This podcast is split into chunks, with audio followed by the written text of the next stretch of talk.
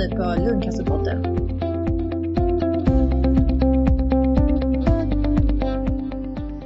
Välkomna till Lungcancerpodden med mig Ragnhild Fransén.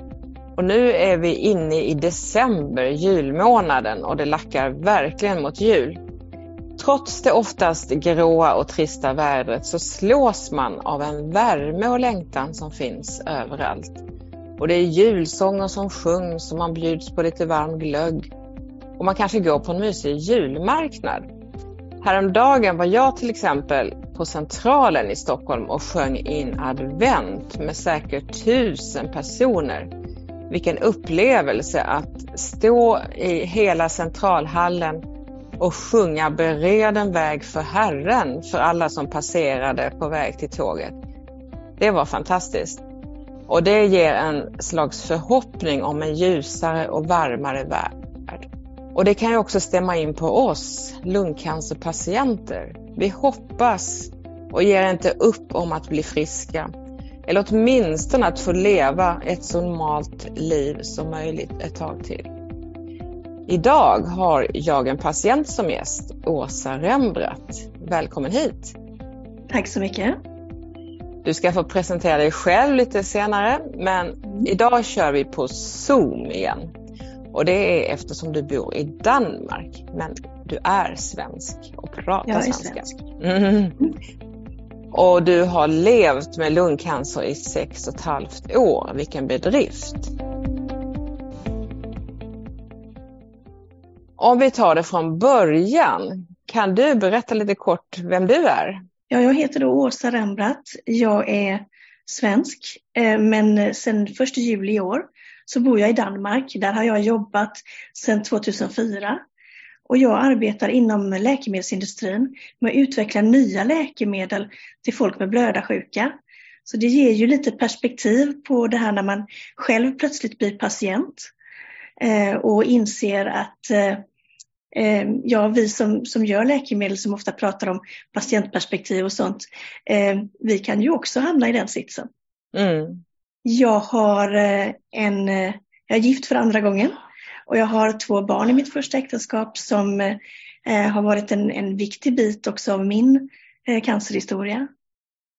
Hur gammal är du? Får man säga det? Ja, det får man. Jag är 54 år. 54 år. Mm. Ung får vi säga. Men det började med att du var ute på en lång flygresa och kände lite värk i ryggen. När var detta? Ja. ja, det här var ju då den 12 december, så är det faktiskt lite över sju år sedan då. Eh, jag var med jobbet eh, i Santiago de Chile, första gången i Sydamerika. Eh, lång flygresa över Anderna, också en fantastisk vy. Och när jag kom hem så hade jag ont i ryggen och det ville inte riktigt ge sig.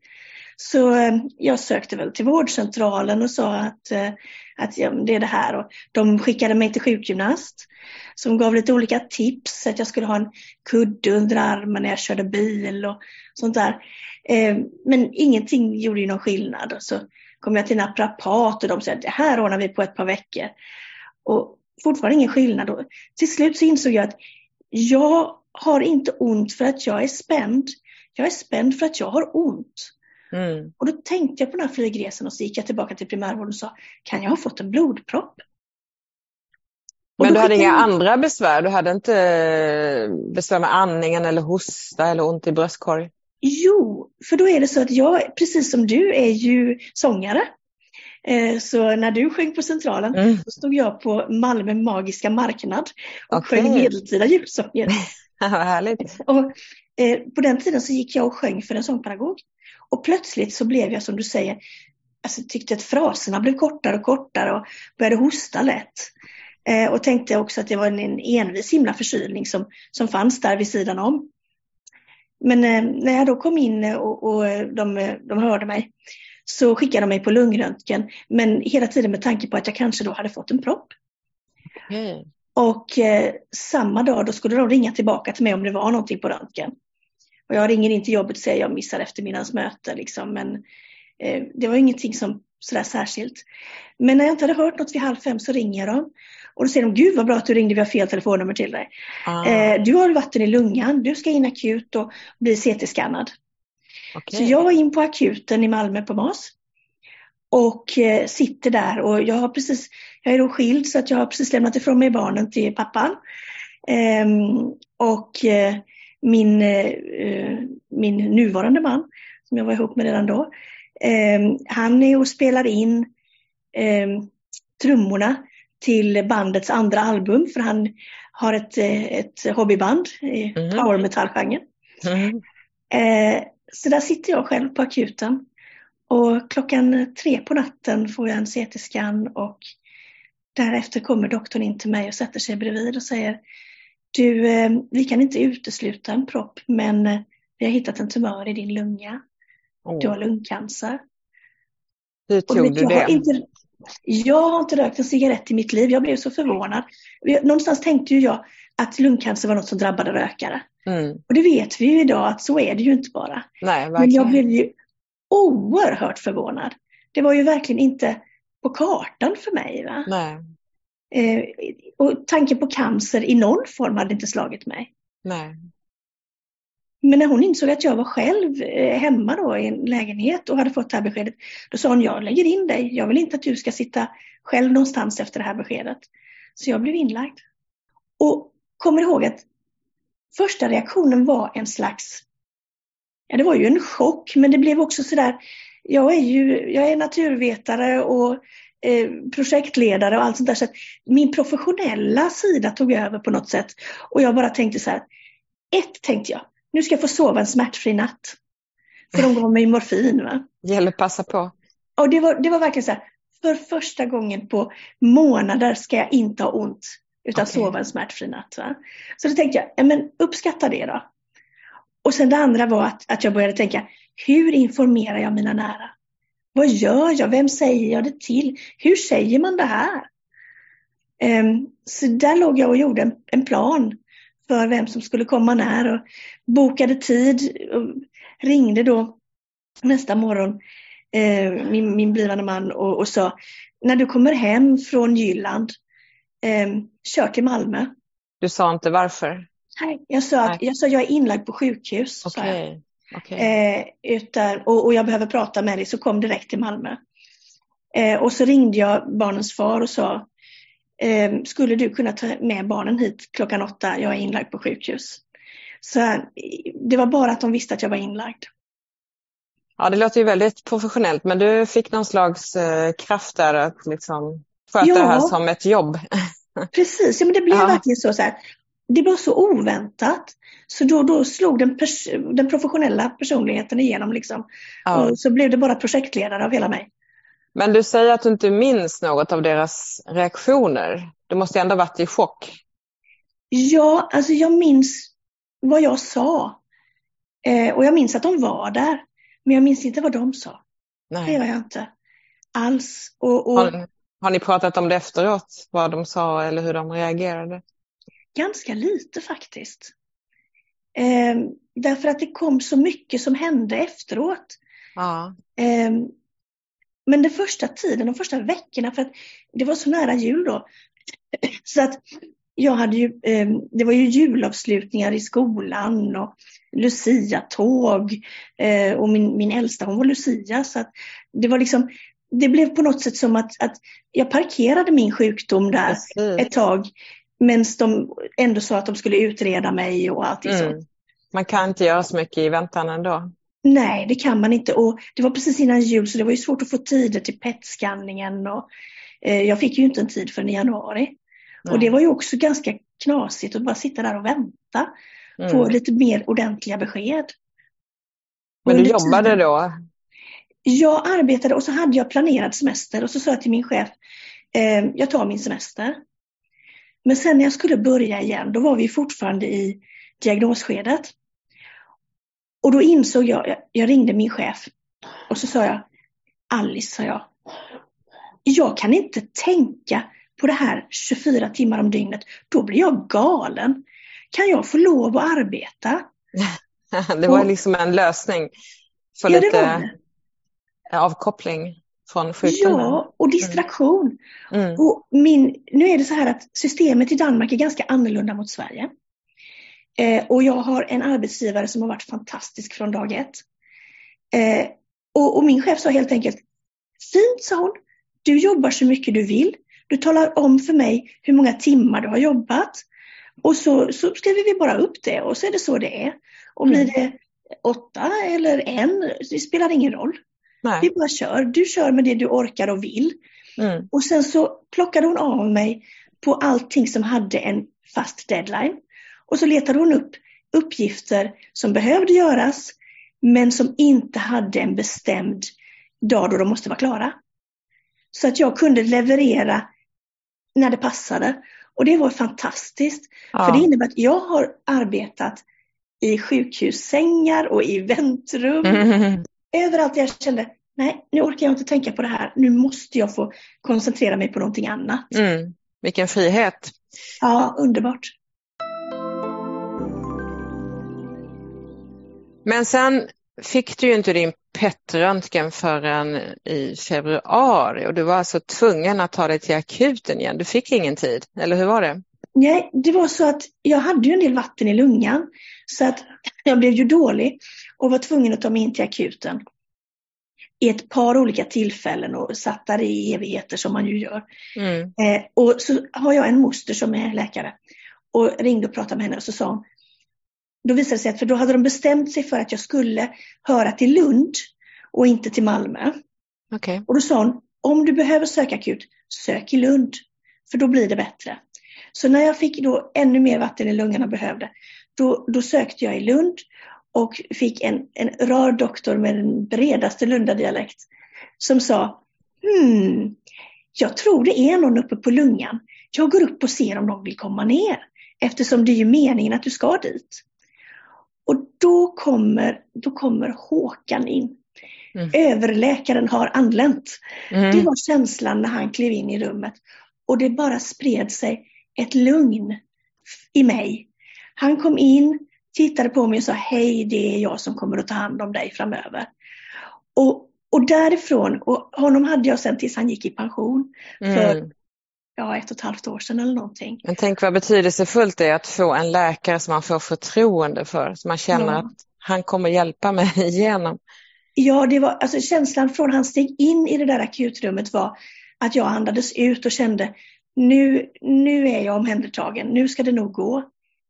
Och han tömde ju då lungan och det var ju där de fick eh, min, eh, eh vad ska man säga, de celler de behövde eh, för att kunna karaktärisera och konstatera att jag då var EGFR positiv. Ja. Och eh, jag höll på att svimma när han gjorde det, men, men det gick bra. Men hur många gånger har du blivit tappad på vätska i lungan? Eh, jag tror det blev tre gånger sammanlagt och sen limmade de mig. Okay. Och då, då minns jag också det att, för att man, i början var jag mycket sådär, när ska jag dö? Mm, alltså det var verkligen det. frågan. Mm. Eh, så och hur känns det? Och så, så, så sa Håkan, ah, kan vi vänta lite med det? Det är ju inte riktigt nu. det snacket kan vi ta sen. Exakt, det, det snacket kan vi ta sen. Det är tid för det, ingen, ingen fara. Och det var ju också skönt att höra. Men då sa han att ja men jag vill limma dig för jag tänker ju Vadå limma? Vad betyder det? Jo, eh, då har de limmat fast lungan, eh, lungsäcken i, i eh, revbenen runt. Så de sprutar in någonting som gör att det blir kladdigt och bildas ärrvävnad. Så lungan håller ut sig. Och då mm slutade det att bli en massa vatten. Aha, okej. Okay. Men hur känns det att ha vatten i lungan? Märkte du något? Ja, man blir vansinnigt andfådd. Okej. Okay. Mm. Ja. Alltså känner att, att eh, man, man blir andfådd på platt golv när man går rakt fram. Okej, okay, så då vet man nu är det dags att tömma. Ja. Men vad fick du för behandling då, då när du hade fått diagnosen? Jo, när de hade till slut konstaterat då att jag hade EGFR, eh, då fick jag ju eh, eh, Jotrif. Mm. Målstyrd behandling? Målstyrd tabletter. Och eh, oj vad jag mådde dåligt av de tabletterna i början. Alltså. Jag fick ju, alltså, magen gick ju helt amok. Jag fick ju smakförändringar så att allting smakade som någon hade dumpat en påse chili i det. Va? Usch, var det så? Och, Och jag fick eh, hudutslag. Så min syster sa så snällt, ja du ser ju väldigt ung ut. Finnar. ja, ja, något Eh. positivt. Precis. Eh, och, och jag kommer ihåg att jag eh, låg där och tänkte när jag skulle somna att det kändes som näsan, den var en egen enhet som liksom höll på att sväva iväg när jag skulle somna. Och det var det första jag märkte när jag vaknade var, åh, där är min näsa. För det vad var var det då? utslag. Det var alla de här Aha. hudutslagen runt omkring näsan. Aj, det kändes så. Ja, det gjorde det. Men efter då ett antal veckor när de skannade igen och där sitter vi och jag har faktiskt ett, ett gammalt skriv om det som jag skrev ner hur det kändes. Och där, där sitter vi och vi är försenade på tiden, vi får inte komma in och jag tänker gud, de vill inte ta, de vill inte prata med mig för nu ser det illa ut. Det är min tanke då. Va? Mm. Jag sitter där och klämmer min mans hand och, och tänker Gisses, det här är en sån här livsavgörande moment. Och så kommer vi in till doktorn och så säger de Det har gått ner. Eh, Den, den är alltså en åttondel av vad den var. Hur stor var den från början då? Vet du det? Ja, den var ju inte så mycket, den var inte så stor, den var bara Nej. tre centimeter eller va? Mm. Men de sa att bättre effekt än så här, det kan man inte önska sig. Yes, Då kände jag, åh, tänkte jag. Och så gick jag ut därifrån och så tittade jag på min son. Så sa jag till honom, vi har fått tid. Vi visste ju redan att, att den var, eh, eftersom den var metastaserad cancern, att, att den var kronisk. Men vi har fått tid. Mm. Och det skulle ju visa sig att jag gick ju i, i över ett och ett halvt år på de här. Men de här eh, hudutslagen de höll i sig första halvåret. Så till slut fick jag tetracykliner för att få bukt på dem. Åh, vilken lättnad det var när de fungerade. Och jag plötsligt Mm. fick tillbaka min spegelbild. Ja. För innan var det ju jobbigt, för då hade jag ju börjat jobba på jobbet igen. Mm. Och du vet, varje gång någon gick förbi vårt öppna landskap och såg mig så studsade de till. Okej, var det så För att pass? så mycket hade, alltså det, det såg så speciellt ut. Men va? i och med det så såg ju alla att det var någonting med dig. Frågade de mycket eller? Ja, Folk var relativt artiga, tycker jag. Och jag skrev också innan, första gången jag kom tillbaka och skulle träffa folk så skrev jag det till dem att, att eh, de flesta av er vet att jag har liksom fått en cancerdiagnos. Och det syns på mig. Och när ni träffar mig så vill jag prata om jobbet. Mm. Godartat skvaller och eh, jobbgrejer är helt okej. Men snälla, fråga inte hur mår du? Och för guds skull, fråga inte hur går det med barnen? För då börjar jag gråta och då går det. Ja. Nej, Så att, så att prata det om var, jobbet. det var ju bra att förbereda på det sättet. Mm.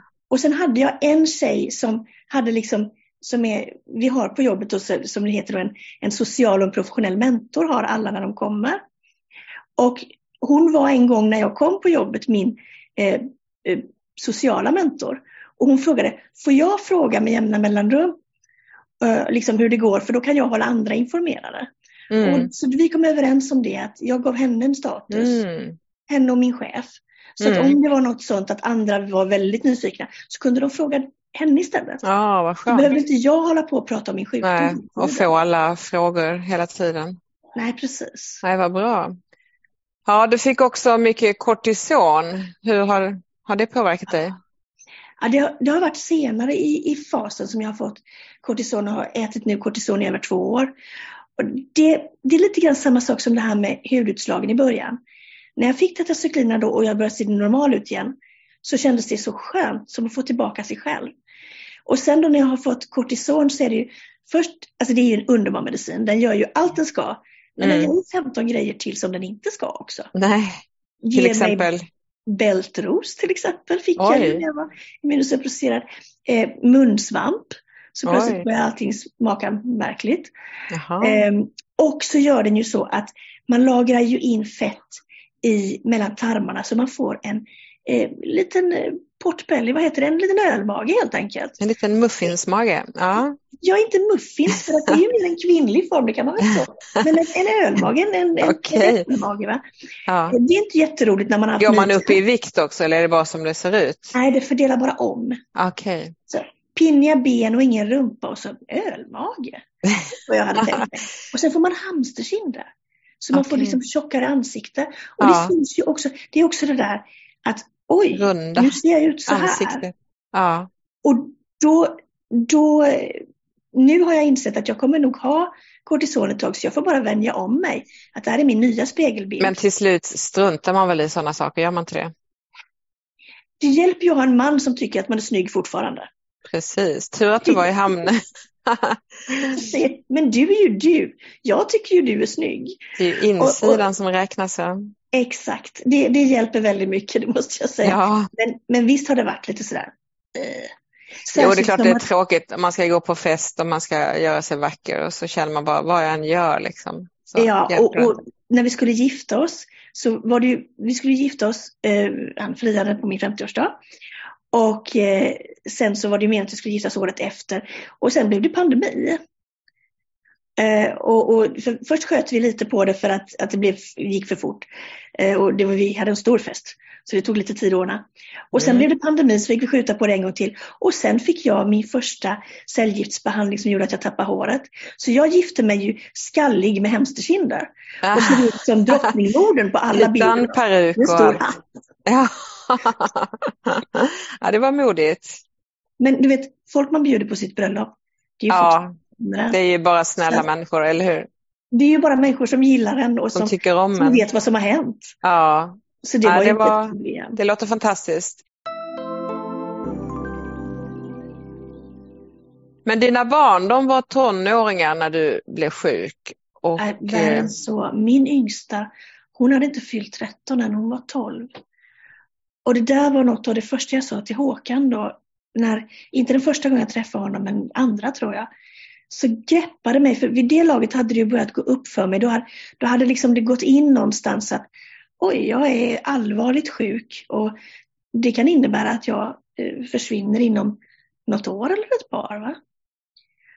Och, och då sa jag till Håkan, så plötsligt blev jag rosenrasande, vrålförbannad och tänkte, jag går ingenstans innan min yngsta har fyllt 18. Så jag till Det är inte anständigt, så gör man inte. Nej. Och så tänkte jag, vad är det jag säger? Det har inte jag något att bestämma om. Men det kändes så, jag blev urförbannad. Du ville så, ha ett uh, intyg på att han skulle hjälpa dig med det eller? Ja, men jag sa till honom att du har vackert att hålla liv i mig, fem år och tre månader. Och så tittade han på mig och sa, ja, så jag, jag går ingenstans innan min yngsta har fyllt 18. Det är inte förhandlingsbart, sa jag. Och så tittade han på mig och så sa han ingenting. Nej. Sen så funkar ju som sagt var geotriffen fantastiskt på mig. Så 2018 så hade så, så muterade eh, huvudtumören mm. i lungan. Men det var bara den kvar. Och den blev då den här eh, T2M, eller ja du vet det man får Tagrisso för. Så det då som jag har. Till, mm. Ja, då byttes jag till Tagrisso. Och så opererade de mig. Men kunde man operera när du har spridd cancer? Det har jag aldrig hört. Vid det laget hade man strålat bort metastaserna och det enda som kunde ses på petten det var huvud, eh, huvudtumören. Så de var till och med lite grann så att vi vet inte om vi har fått bort det. För det kan vi inte veta. Men nu har vi... Det var alltså lungan du opererades i? Ja, så de tog bort 20 procent av min vänsterlunga. Sen visade det sig att jag hade en väldigt liten metastas som inte syntes i axeln. Okay. Men, eh, men eh, där ett tag så var jag alltså blank på PET-skanningen. Och då tittade han på mig och sa nu tror jag på det, sa han. Vadå, sa jag. Du kommer leva tills din yngsta har fyllt 18, sa han.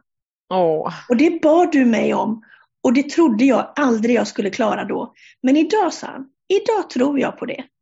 Och det var också så underbart att höra. Få höra det av en läkare, ja precis. Ja precis, som säger det att nu, jag, jag har kommit ihåg vad du sa och jag mm. vågade inte lova dig någonting då, men Nej. nu säger jag Jajamän, det ska du. Och det så har bra. jag. Hon är 19 nu och flyttade ja. hemifrån i juni. Ja, det är otroligt. Men eh, hur har barnen tagit det? det var väldigt olika hur de gjorde. Min äldsta, som, hon, hon pratade med alla. I skolan, alla kompisar, alla kompisars föräldrar. Hon, eh, som hon sa, hon drog cancerkortet i alla tillfällen eh, som, som hon tyckte att det kunde göras. Mm. Men min yngsta, hon ville inte prata med någon. Hon sa, du är ju här nu och allting fungerar. Så mm. jag vill inte prata om det här. Nej. Hon hade ett par väldigt nära väninnor som visste om det, men ingen annan. Och och hon var inte alls intresserad av att diskutera det. Sen så småningom när tiden har gått så pratar de väldigt mycket med varann. Och, och, det har varit fantastiskt då att jag, de har verkligen haft glädje av varandra.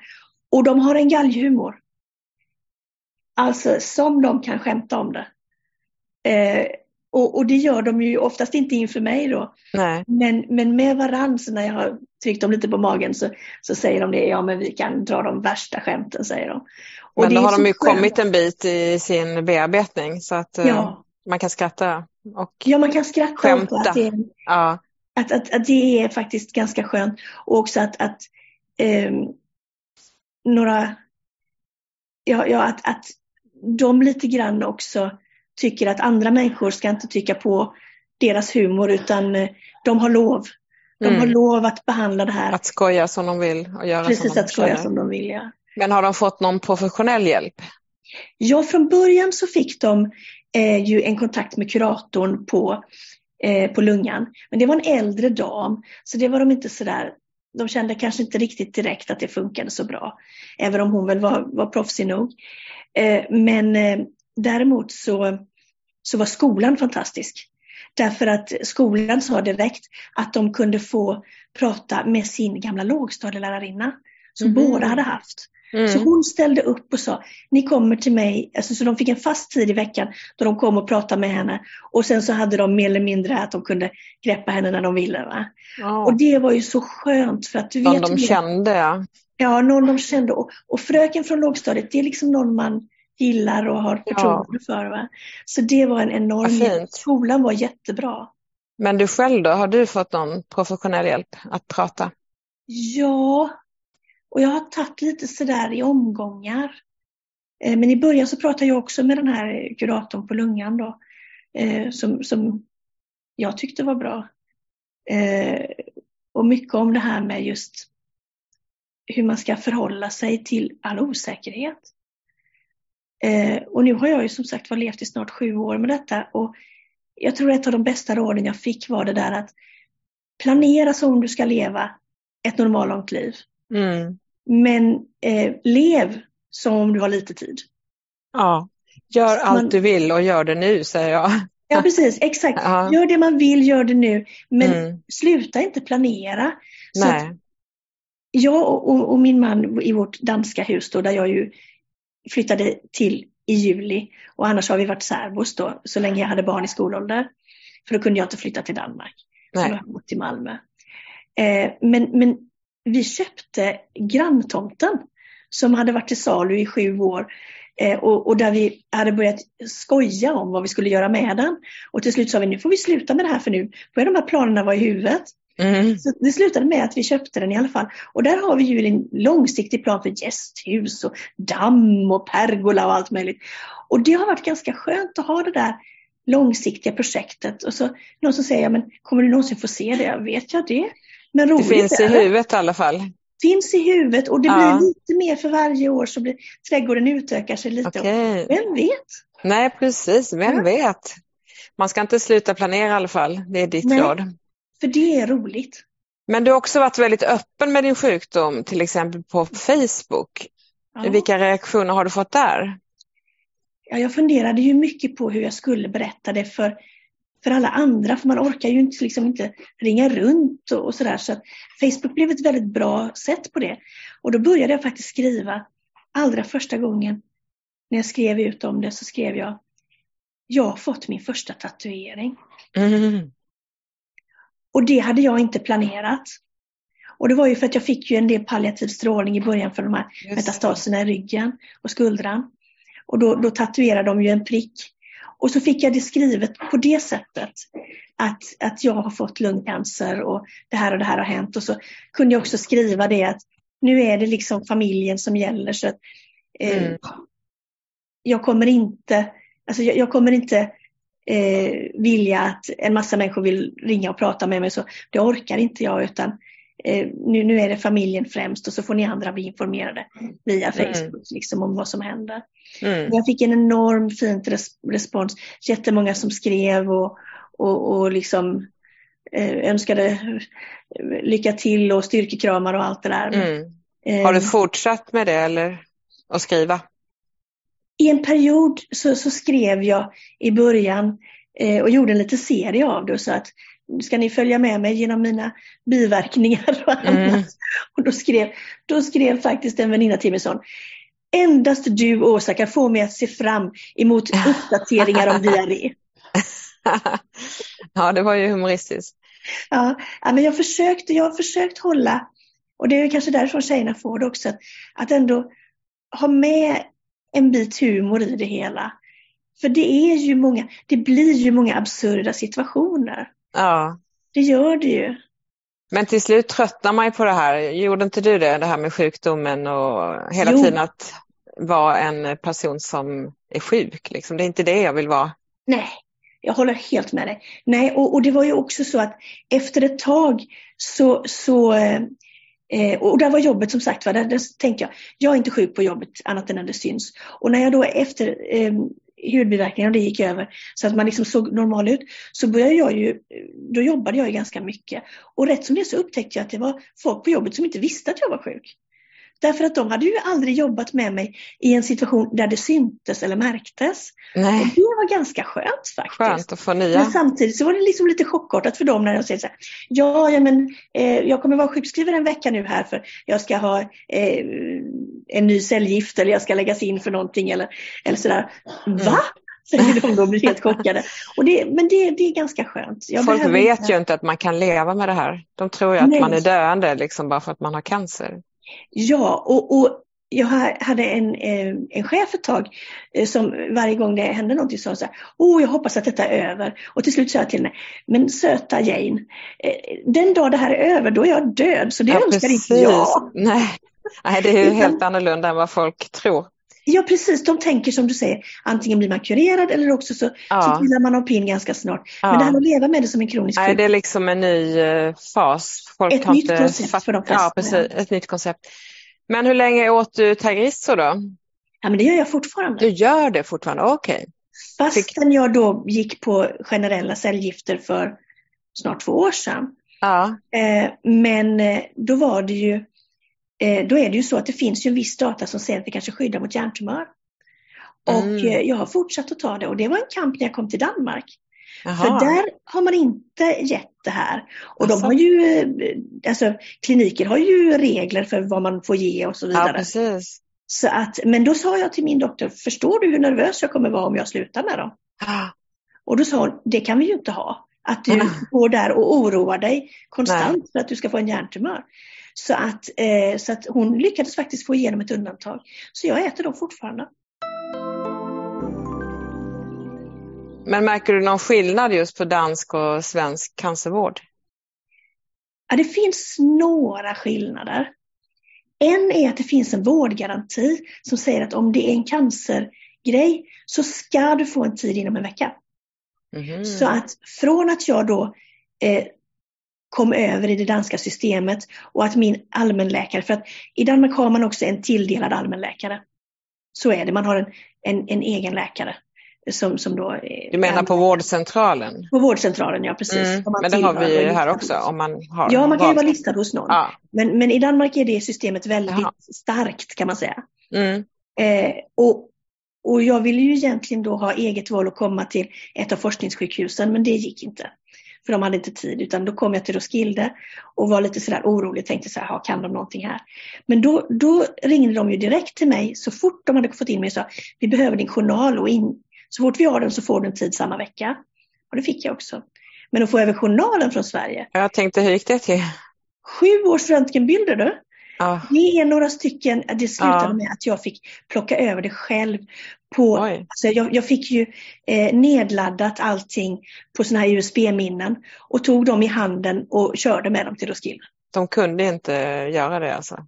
Nej, alltså grejen är den att det finns ju säkra system de kan överföra men de har inte tillräckligt med data i Lund för att kunna eh, skriva på att det här systemet är säkert. Så de mm. vågade inte överföra elektroniskt. Okej, okay. men du fick ut dina journaler och sen kunde du göra det? Och så kunde jag, då, mm. så kunde jag bara lämna dem till doktorn så pluggade de in dem i andra änden okay. och la dem i sitt system. Så nu finns allting i Danmark. Ja, ah, vilken tur. Men du hade ont i axeln sa du som inte gick över? efter, efter operationen så var jag svullen vid nyckelbenet. Och jag sa, vad är det här och varför gör det ont? Men vi kunde inte se något på PET-scanning eller sånt. Och, och, det var svårt. Och till slut, och vi, vi provade ortopeden titta och lite allt möjligt. Men de hittade inget och till slut så efter nästan ett år så började det lysa. Och så försökte de ta ett prov men det var inte heller så himla enkelt. Och när de till slut lyckades så gjorde det jädrans ont. Det var ingen rolig biopsi kan jag säga. Nej. Eh, men då upptäckte de ju att det var ju en tumör där och tyvärr så var den, har den varit väldigt svårbehandlad. Mm. Och de har strålat vad de har kunnat men den har kommit tillbaka. Och i juli i år så blev jag förlamad i armen för att jag har helt enkelt eh, fibros i plexusnerven på grund av både att jag är strålad eh, och att de har provtagit men framför allt för att cancern ju har växt in i nerven. Okay. Så, eh, men hela armen? Enhänt.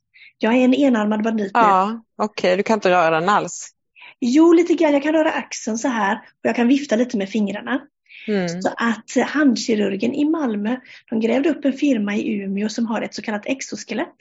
Så mm. nu ska jag till Odense för att se om de kan eh, ge mig en slags handske som man kan trycka på så att handen kan dra ihop sig okay. och öppnas.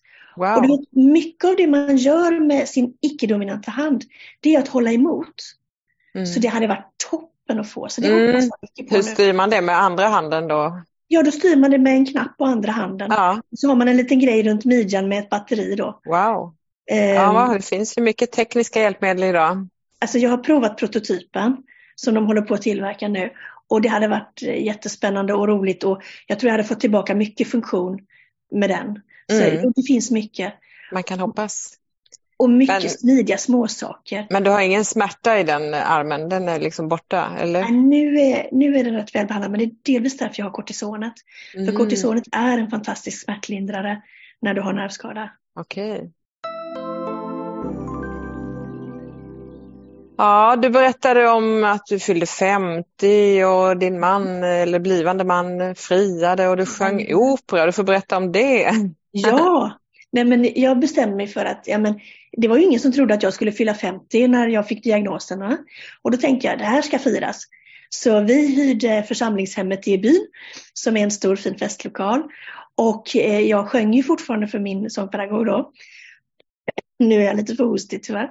Men men jag bestämde mig för att nu jädras, nu händer det. Så jag hade ett eh, sju arias eh, konsert med en pianist som jag kände som, som eh, kompade då. Och så har jag en väninna som är eh, sömmerska på Malmö stadsteater. Så hon hjälpte mig att låna ihop så jag hade full gala och bytte tre gånger under konserten. Wow! Ja, det var tjusigt. Ja. Och det var väldigt, väldigt roligt att få lov och då verkligen sjunga och leva känna, ut. Leva ut och känna, här är 80 människor jag älskar eh, mm. i, samlade i ett rum och jag sjunger för dem och jag är, som du säger, jag känner mig inte särdeles sjuk i den stunden. Nej. Jag står och, och sjunger opera för en, en stor sal med folk. Ja. Och sen toppade min blivande man kvällen genom att, att fria till mig sist på middagen. Så, så härligt. Ja, men så härligt. viktigt att ta tillvara på just livets stunder av högtid och glädje och inte bara tänka nej, jag är sjuk, jag orkar inte, jag vill inte. Utan lev livet fullt ut så länge ja. du har det.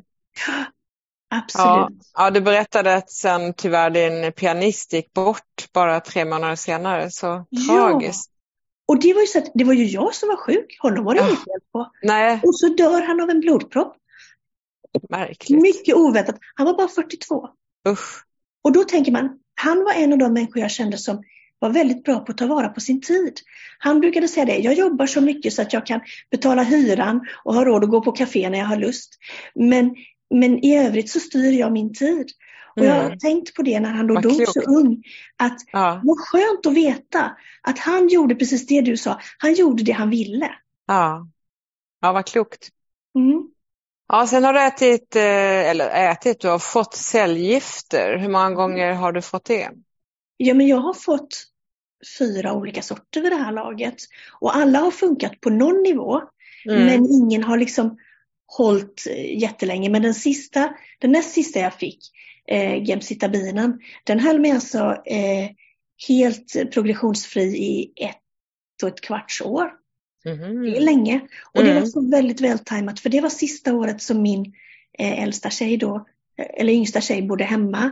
Så att hela hennes student, det, vi sydde aftonklänning till hennes studentbal tillsammans och jag bakade allting, eh, alla kex och allting till studentmottagningen och så och kände också där att jag kände mig inte särskilt sjuk.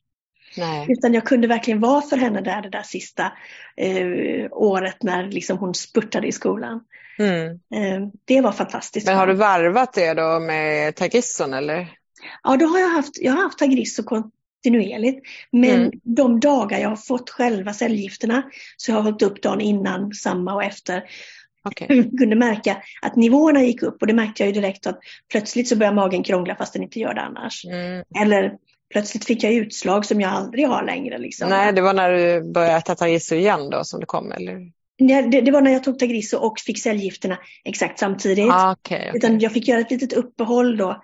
Ah. Liksom, bara några dagar runt ja, ja, ja. Okay. dosering. Mm. För cellgifter får man ju inte liksom varje dag utan de får man ju en gång var tredje vecka och sådär. Mm, och sen första omgången jag fick med karboplatin och sånt, den funkade ganska kort. Men sen andra gången så fick jag ju det här då där jag tappade håret. Och den, den eh, höll det borta i en bra tag också. Ja, och under coronan fick du inte träffa dina tjejer. Det var väl på grund av infektionskänsligheten då när du ja. gick på Cito. Men eh, Precis. det måste ju känts jättetufft ju. Ja, men de gick ju i skolan. Så det sa ju doktorn direkt att du får inte bo ihop med dem nu. Det går inte. Och nu hade ju jag, alltså, i och med att de hade sin pappa då, va? Mm. och vi, vi eh, facetimade ju varje dag. För att det kändes ju jättehemskt. Och också för att jag precis ganska, det var faktiskt i den perioden som jag började med cellgifterna. Så att, att ge det beskedet till dem när vi inte fick träffas, då sa jag, det kan jag inte. Så då plastade vi in mig. Okay. Jag träffade dem hemma hos deras pappa. Och eh, utomhus. Och sen så hade jag en plastponcho och så fick vi kramas inplastade. Jag sa jag kan inte säga det här till dem och Nej. inte få krama dem, det går Nej. inte. Nej. Men sen fick min yngsta corona och efter det var hon ju då liksom immun och då flyttade hon hem igen. Okay. Och det var jätteskönt. Ja, fy ja. Men jag har fått fem, sprut, fem coronasprutor vid det här laget. Så ja. jag är så välvaccinerad. välvaccinerad. Har du haft corona själv? Nej. Nej, samma som jag. Fem sprutor och ingen corona. Det är Nej, fantastiskt. Det Jaha. Mm. Ja, din äldsta fyllde 18 och flyttade hemifrån och du hade kommit i mål och fick uppleva hennes 18-årsdag som du hade bett om. Ja, kändes det som att nu är du i mål eller nu har du nya mål? Jag har nya mål. Mycket vill ha mer. Mm. Och det sa jag också för att hon var ju lite orolig då, min tjej, sa att mamma, nu får du inte gå och dö bara för att jag är 18. Precis. Och så sa jag till henne, nej, nej, så jag, det är ett minimimål. Ja. Det är inte så att jag tänkte liksom så, ah, nu har jag gjort mitt, nu räcker det. ett delmål. Uh. Visst var det en otrolig lättnad när hon flyttade i egen lägenhet och ringer efter två veckor och säger Åh mamma det är så underbart och jag trivs så. Mm. Och då kände jag, och även när min äldsta då flyttade till Uppsala för att läsa och ringer tillbaka och säger mamma det här är underbart. Va? Då står de på egna ben. Ja. ja precis. Då har jag liksom gjort, och också det här att man vet ju att en del som förlorar en förälder tidigt, de får en väldigt Alltså det kan bli en väldigt konstig bild av den förälder som blir fullständigt helgon eller något annat. Och jag känner nu, mina barn, de har sett mig både frisk och sjuk. Eh, och, och, glad och ledsen. Och jag, jag, är, de har tillräckligt mycket minnen för att jag ska vara en riktig människa i deras, i deras minnen. Mm. Det känns på något sätt oerhört viktigt. Och också att man har fått lov att, att mamma dem hela vägen ut. Mm. Eh, och att man kan vara sig själv. Man är inte som du säger ett helgon utan man är en levande människa med både brister och fördelar. Exakt. Mm. Och också att jag har fått haft förmånen att vara så pass frisk. Som du säger att sjukdomen har ju givetvis betytt mycket och fyllt mycket. Men den har inte varit allt. Det har funnits semestrar och vardag och mm. grejer där jag funkar som precis vilken annan mamma mm. som helst. Jo. Och det har också varit viktigt för ett tag kände jag att min yngsta alltid fick höra, jag är så trött. Just det. För det är man ju, man är ju mycket trött av både sjukdom och behandling. Mm. Men, men sen kände jag liksom då det här sista året när jag liksom verkligen hade en, en, en paus ifrån det så bra. Och, och, vi sydde klänning och vi lagade mat och vi höll på en massa. Och, och då kändes det verkligen som att ja, men, det här kommer hon ju också komma ihåg. Mm. Och det är en frisk mamma i all funktion. Jo, och att det var liksom hennes högtid, studenten ni jobbade med och så vidare. Precis, att hon fick tid och, och, och plats. Mm. Och att det inte bara handlade om att det, det, var synd om mig och att man ska stötta upp på mamma. För i början Nej. så blev ju tjejerna väldigt vuxna kan man väl säga. Och eh, hjälpte ju till plötsligt väldigt mycket hemma och, mm. och allting sånt. Nästan till en nivå där jag kände det här är inte bra. nej, precis. Jag minns när jag skällde ut min äldsta för att hon hade strött tops överallt och hon blev helt förbannad på mig. Och så tänkte jag, åh vad skönt! En sån himla normal grej. Att det inte liksom såhär, nej vem bryr sig om lite tops när man är sjuk? Utan, nej min själ, plocka undan efter dig! Ja. Det, det är också det där med normaliteten. Va? Ja, jo, man märker att det går ju över till slut det här att de hela tiden är på pass. Ja. När de börjar leva sina egna liv och kanske inte alltid hör av sig, då känner man nu är det normalt. Ja, precis.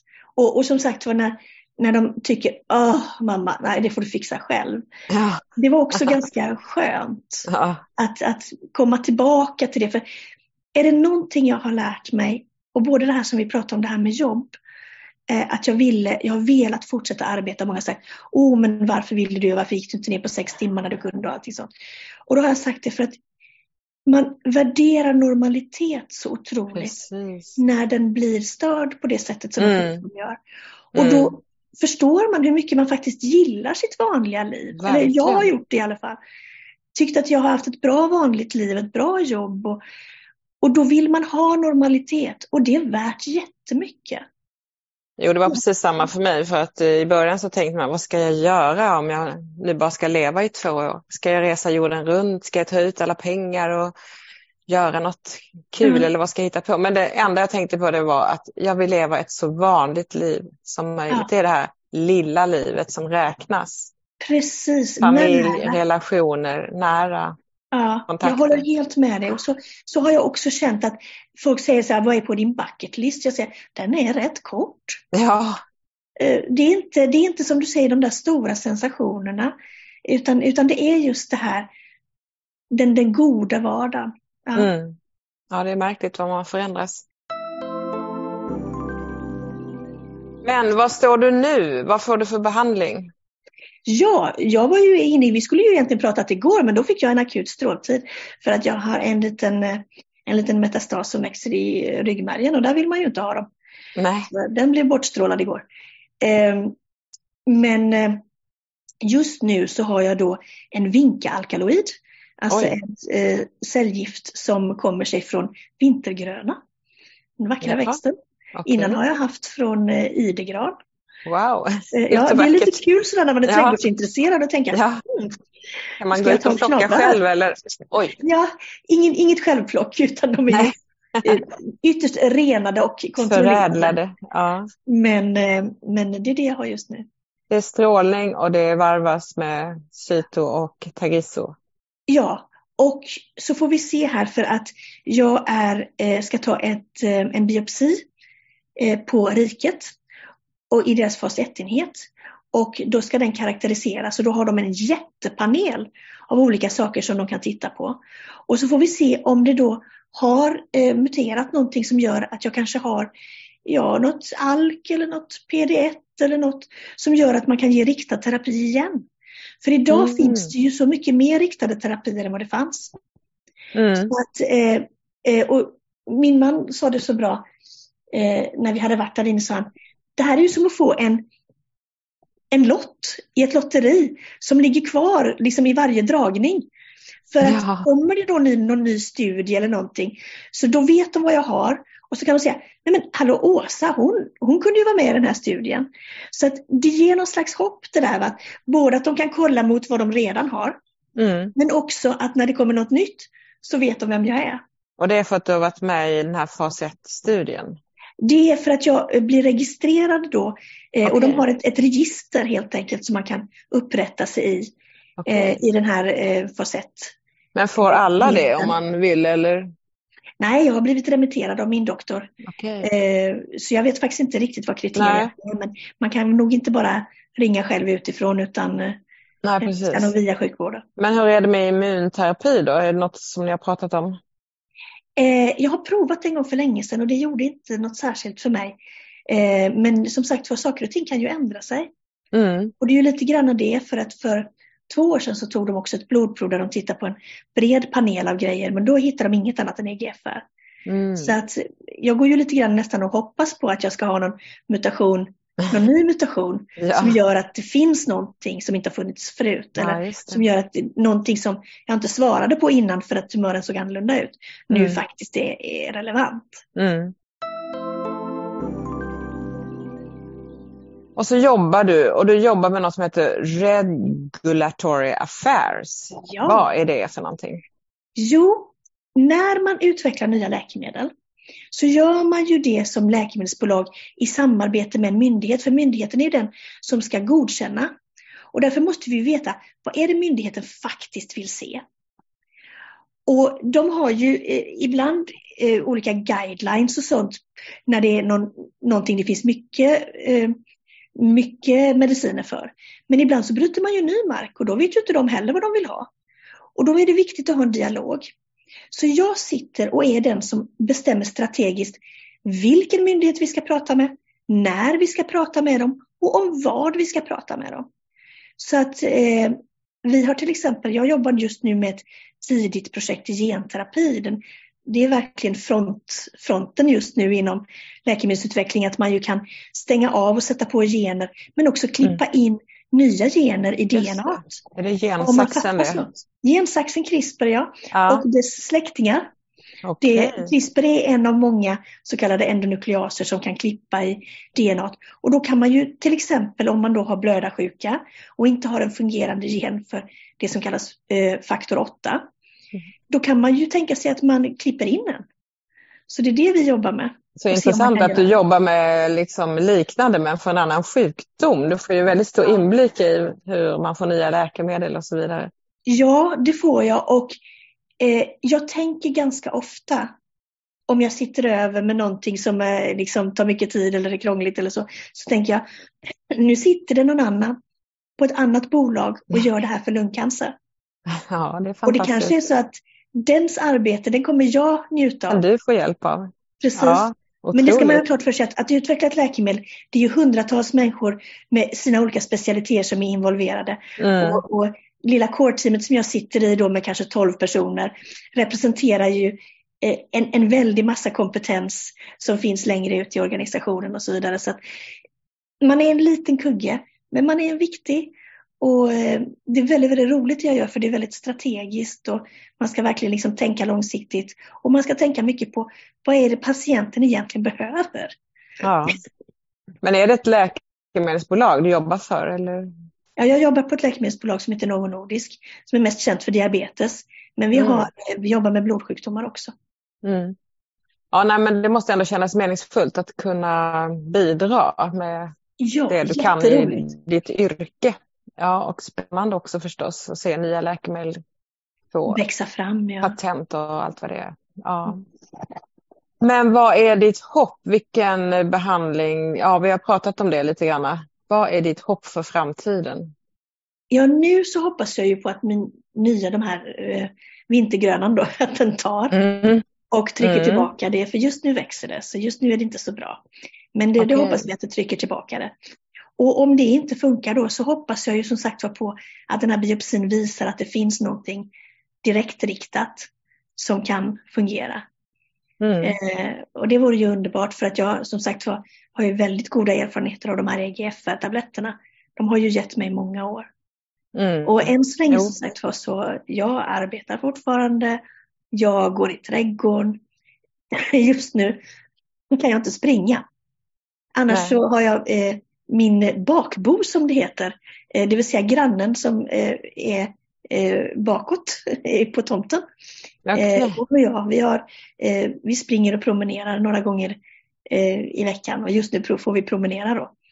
Mm. Men annars det, har det varit en sån här grej som jag har envisats med också att säga, ja men så fort jag blir bättre så, så börjar jag springa igen. Och sen så blir man lite sämre och så får man gå lite och så börjar man springa igen. Och så har det liksom varit sådär att jag har vägrat att, att ge upp det där. Va?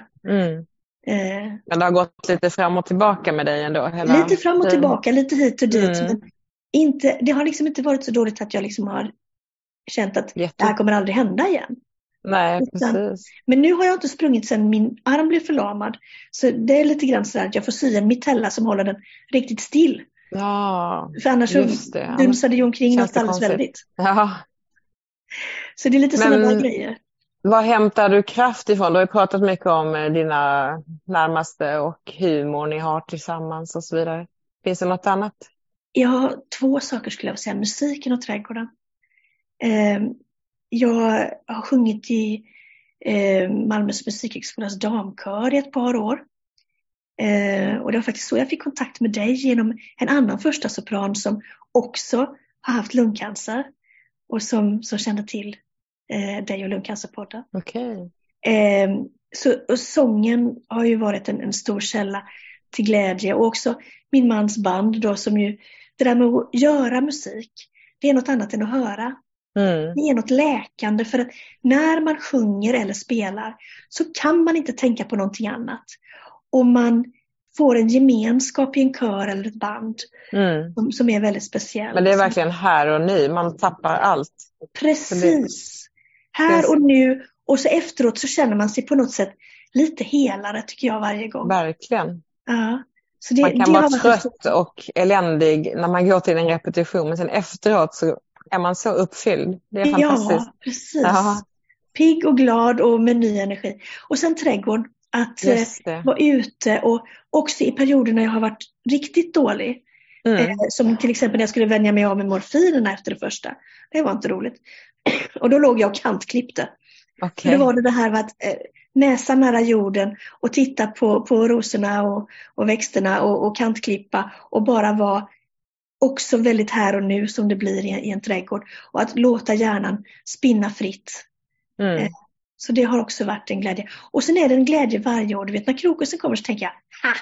En vår till. En vår till. Ja. Check. Yes, check. Men eh, vad har cancern gjort med dig? Hur har du förändrats som människa? Ja, mycket det där med en annan uppskattning av vardagen som vi pratade om. Mm. Att man får väldigt klart för sig vad det är som är viktigt för en. Eh, att jag har fått en väldigt öppen relation med mina barn. För att vi har varit tvungna att prata om svåra saker. Och jag har varit tvungen att vara svag framför dem också. Och ändå hävda att jag är fortfarande mamma, jag kan fortfarande bestämma saker och göra saker. Men det har verkligen gjort något med vår relation. Inte minst tänker jag att vi har varit tvungna att ta konflikterna för man har inte kunnat, man har inte upplevt att man haft tid att sopa saker under mattan. Nej. Eller eh, tjejerna har också känt att ibland kanske de tycker, åh mamma, och jag minns själv så, så träffade inte jag mina föräldrar ett par år efter eh, jag flyttade hemifrån för man hade en konflikt och sånt.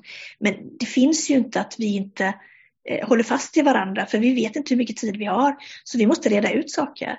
Precis. Och det har faktiskt lett till en, jag tycker jag har en fantastisk relation med mina tjejer på grund av det. Att, att vi har varit tvungna att, snacka. Det har inte varit valfritt. Vad fint. Mm. Har du något gott råd att säga till någon som just fått sin lungcancerdiagnos? Ge inte upp. Jag har levt i sju år där jag har som sagt har fått se mina barn växa upp och flytta hemifrån. Där jag har haft massvis av roligt och jag har rest och jag har fått nya väninnor till och med efter jag blev sjuk. Och en massa grejer. Livet är inte slut för att man får en diagnos. It ain't over until the fat lady sings som de säger. Det, är, eh, det finns så mycket. Och att vara sjuk är inte din hela personlighet. Det är en sak och det är klart det gör någonting med en. Men det är bara en av så många facetter så eh, bara fortsätt, hade jag sagt. Precis. Och att hålla fast i hoppet om en morgondag, att få leva ett tag till, det är nog det viktigaste vi kan ge oss själva. Ja, och Att det inte händer släppa. så oerhört mycket på det här området forskningsmässigt. Jag Precis. följer ju med lite grann eh, via facklitteraturen och sånt. Och det händer så enormt mycket. Så för varje kvartal man kan klamra sig fast så kommer det något nytt. Mm. Och rätt som det är, jag menar, Tagrisson, den blev registrerad efter jag fick min diagnos. Mm. Det är otroligt vad fort det har gått. Ja, Mm. och det händer jättemycket i det här området. Alltså ska man ha, man ska ju helst inte ha cancer alls, men ska man nu ha någonting kan man ju ha något där det händer något. och Ja, då är faktiskt lungcancer inte det Ja. sämsta. Nej, där får vi vara tacksamma ändå, trots allt. Exakt. Ja. Stort tack Åsa för att du har delat din livsberättelse med oss och lycka till både med behandling och familjeliv framöver. Tack. Och stort tack till er som har lyssnat och jag passar på att önska er alla en riktigt god jul. Och tack också till Taylor för inspelning av klipp detta år. Och du som lyssnar, du kan också gå in och kommentera dagens avsnitt på lungcancerpodden.se. Och skulle du vilja vara patientberättelse eller ha förslag på något som vi kan ta upp, mejla gärna mig på fransen med z snabela fartreklam.se. På återhörande nästa år. Hej då! Hej då!